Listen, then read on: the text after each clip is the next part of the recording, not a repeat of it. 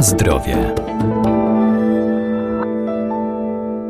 Fosforany E450 czy cytryniany E331 to dodatki, które mogą się znaleźć w produktach mięsnych drobno zmielonych, takich jak popularne parówki. Dlatego warto czytać składy na opakowaniach, by mieć świadomość tego, co spożywamy. Jak zatem wygląda przemysłowa produkcja parówek? Czego możemy się w nich jeszcze spodziewać?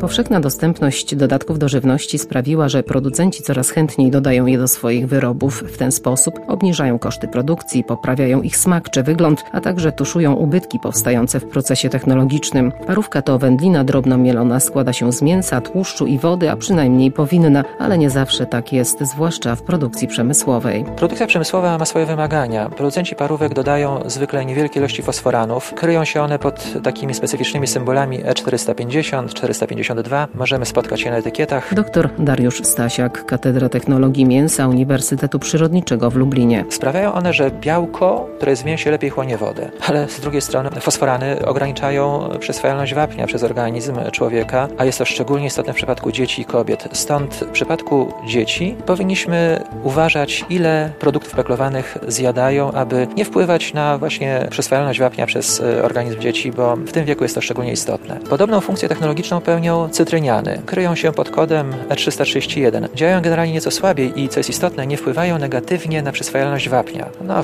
woda jest to ten surowiec, którego najwięcej w parówkach i w celu utrzymania owej wody dodaje się również substancje żelujące, na przykład znany karagen, który wytwarzany jest z wodorostów morskich. Przeciwutleniacze w parówkach stabilizują barwę wyrobu. Raczej nie chcielibyśmy, aby parówka po przekrojeniu zmieniała swoją barwę na szarą. Trzeba tu podkreślić, że do parówek nie wolno dodawać żadnych barwników, z wyjątkiem która kryje się pod symbolem E120 i jest to produkt pochodzenia organicznego wytwarzany przez specyficzne owady jako taki jedyny jest dopuszczony do stosowania w przypadku produktów mięsnych. Na zdrowie.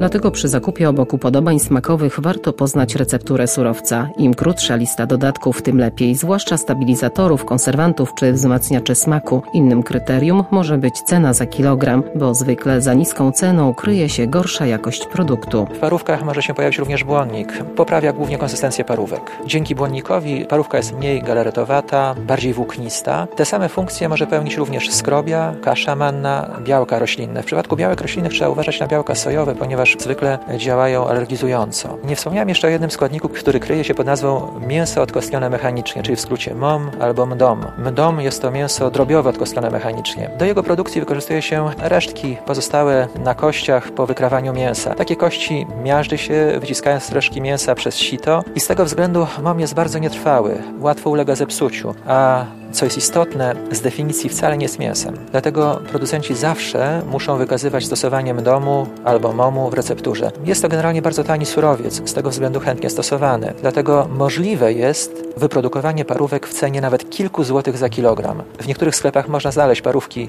bezmięsne, składające się na przykład z kilkudziesięciu procent momu, 20% emulsji i przykład 10% tłuszczu. Takie parówki na pewno nadają się do spożycia, to nie ulega wątpliwości, natomiast ich wygląd, smakowitość, no cóż, pozostawiam ocenie słuchaczy. Dlatego do poprawienia smaku, zwłaszcza parówek z najtańszych surowców, wykorzystuje się glutaminian sodu. Jest to substancja znana, dość powszechnie stosowana w Azji. Wzmacnia ona smak mięsa i użytych przypraw. Podobne funkcje w parówkach mogą pełnić np. ekstrakty z drożdży, niektóre przyprawy, zwłaszcza, że stosowane w większych ilościach maskują niedoskonałości surowca mięsnego, zwłaszcza stosowanie momu.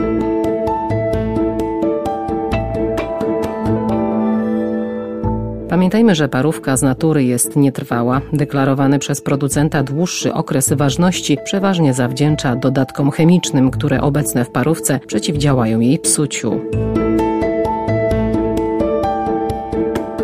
Na zdrowie.